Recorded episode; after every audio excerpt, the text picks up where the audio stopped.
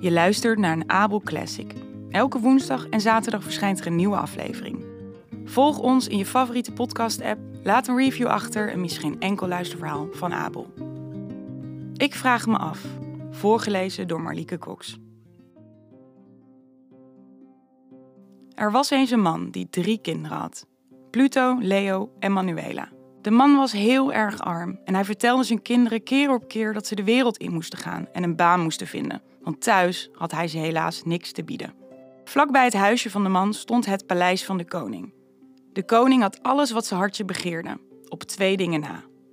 Ten eerste stond er naast het paleis een grote eik, die zo stevig en hoog was dat hij al het licht wegnam. De koning hield niet van schaduw en had al heel vaak gevraagd of iemand alsjeblieft de eik om wilde hakken. Maar niemand durfde dat, want zodra ze een stuk van de stam afhakten, groeiden er twee voor in de plaats. De tweede wens van de koning was een waterput waar het hele jaar water in zat. Want om water te halen moest hij nu een heel eind lopen. Hij had al heel vaak gevraagd of iemand zo'n waterput voor hem kon graven, maar niemand kon dat, want het paleis lag hoog op een heuvel. Al na een paar centimeter graven stuitten ze op harde rotsen. Maar omdat de koning deze twee dingen heel graag wilde, liet hij aan iedereen in zijn koninkrijk weten dat degene die de grote eik kon omhakken en een waterput kon graven, zijn troonopvolger zou worden. Al snel kwamen heel veel mensen naar het paleis om de eik om te hakken en een put te graven. Maar al hun hakken, hakken, hakken en al hun graven, graven, graven brachten niets op. De eik werd bij elke slag dikker en groter en de rots werd niet zachter. Ook Pluto, Leo en Manuela besloten een gok te wagen en naar het paleis te gaan. Hun vader gaf enthousiast toestemming en al snel waren ze onderweg. Ze waren nog niet ver of ze kwamen bij een dennenbos met aan één kant een steile helling. Terwijl ze door dit bos liepen, hoorden ze iets hakken en kappen op de heuvel tussen de bomen. Ik vraag me af wat dat hakgeluid is, zei Manuela, het jongste kind. Jij altijd met je vragen, zeiden Pluto en Leo allebei tegelijk. Je kan toch wel raden dat dat gewoon een houthakker is? Toch ben ik benieuwd. Ik ga op onderzoek uit, zei Manuela. En ze ging naar boven. Je bent ook net een klein kind, zei Leo zuchtend. Wij wachten wel weer. Manuela trok zich niets aan van haar broers en ze beklom de steile helling in de richting van het geluid. Toen ze de top van de helling bereikte, zag ze iets heel bijzonders. Het geluid kwam van een bel die daar stond te hakken op een spar, helemaal uit zichzelf, zonder een mens die hem bediende. Goeiedag, zei Manuela. Dus, jij staat hier helemaal in je eentje te hakken. Ja, en ik sta hier al heel lang te hakken en te hakken, wachtend op jou, beste meid, zei de bel. Nou, hier ben ik dan eindelijk, zei Manuela en ze pakte de bel en stopte hem in haar tas. Toen ze weer naar beneden klom, lachten haar broers haar uit. en wat zag je daarboven? Een kabouter, een vee? zeiden ze. Oh, nee, het was gewoon een bel, zei Manuela. Een eindje verderop kwamen ze langs een steile rotsriggel. En daarboven hoorden ze iets gaven en scheppen. Ik vraag me af, zei Manuela, wat daar zo aan het graven en scheppen is. Ach, jij weer met je vragen, zeiden Pluto en Leo weer, alsof je nog nooit een gravende vos hebt gehoord. Nou, zei Manuela, ik ben toch benieuwd. En als het een vos is, lijkt me dat ook heel leuk om te zien. En ze begon de rots te beklimmen, terwijl haar broers haar uitlachten.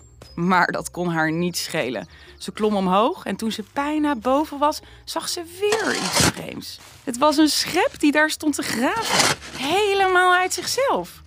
Goeiedag, zei Manuela. Dus, jij staat hier helemaal alleen te graven. Ja, dat is wat ik doe, zei de schep. En dat is wat ik al heel veel jaar heb gedaan. Wachtend op jou, beste meid.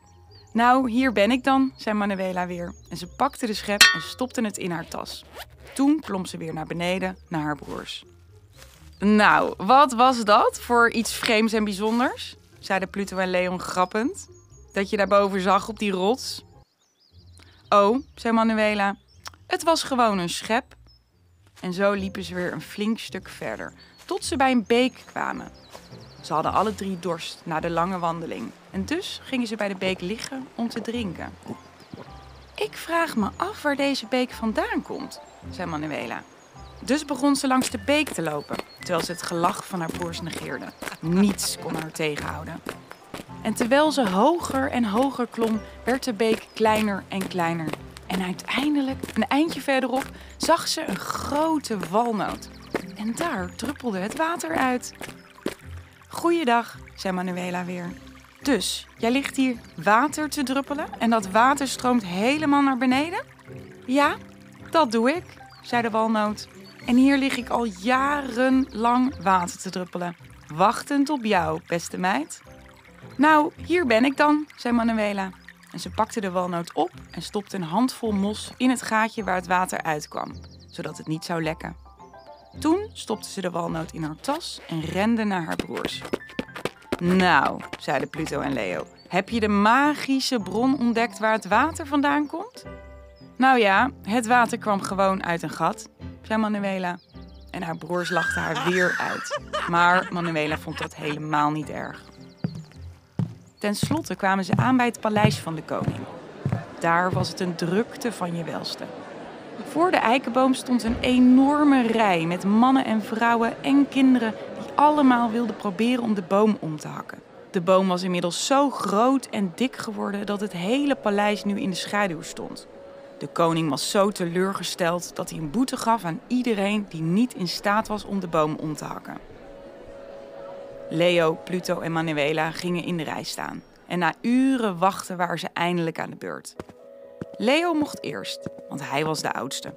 Maar na twee of drie hakken groeide de eik alleen maar groter en de bewaker sleepte hem weg. Met Pluto gebeurde precies hetzelfde. Ook hij moest het na twee slagen opgeven.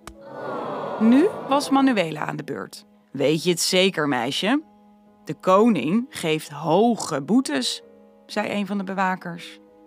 Ik wil het toch proberen, zei Manuela. Toen nam ze haar bijl uit haar buideltas en hield hem stevig vast. Hak er maar op los, zei ze tegen de bijl. En hij begon te hakken en te hakken. En de houtsnippers vlogen in het rond. De bijl hakte zo snel en hard dat de eikenboom geen tijd had om nieuwe stukken stam aan te groeien. En het duurde niet lang voordat de eik met een groot kabaal omviel. Toen dat gedaan was, haalde Manuela meteen haar schep tevoorschijn en zei: Ga er maar op los. En zo begon de schep te graven en te graven tot de aarde en de rotsen in splinters uit het gat vlogen. En toen de put groot en diep genoeg was, haalde Manuela de walnoot tevoorschijn en legde die in een hoek van de put. Daarna trok ze het mos uit het gat. Druppel er maar op los, zei Manuela. En meteen begon de walnoot water te druppelen. Binnen een mum van tijd zat de put helemaal vol. Toen de koning zag dat Manuela de eik had omgehakt en de put had gegraven, begon hij van geluk te huilen. Hij was zo dankbaar dat hij ter plekke de kroon van zijn hoofd haalde en die aan Manuela gaf.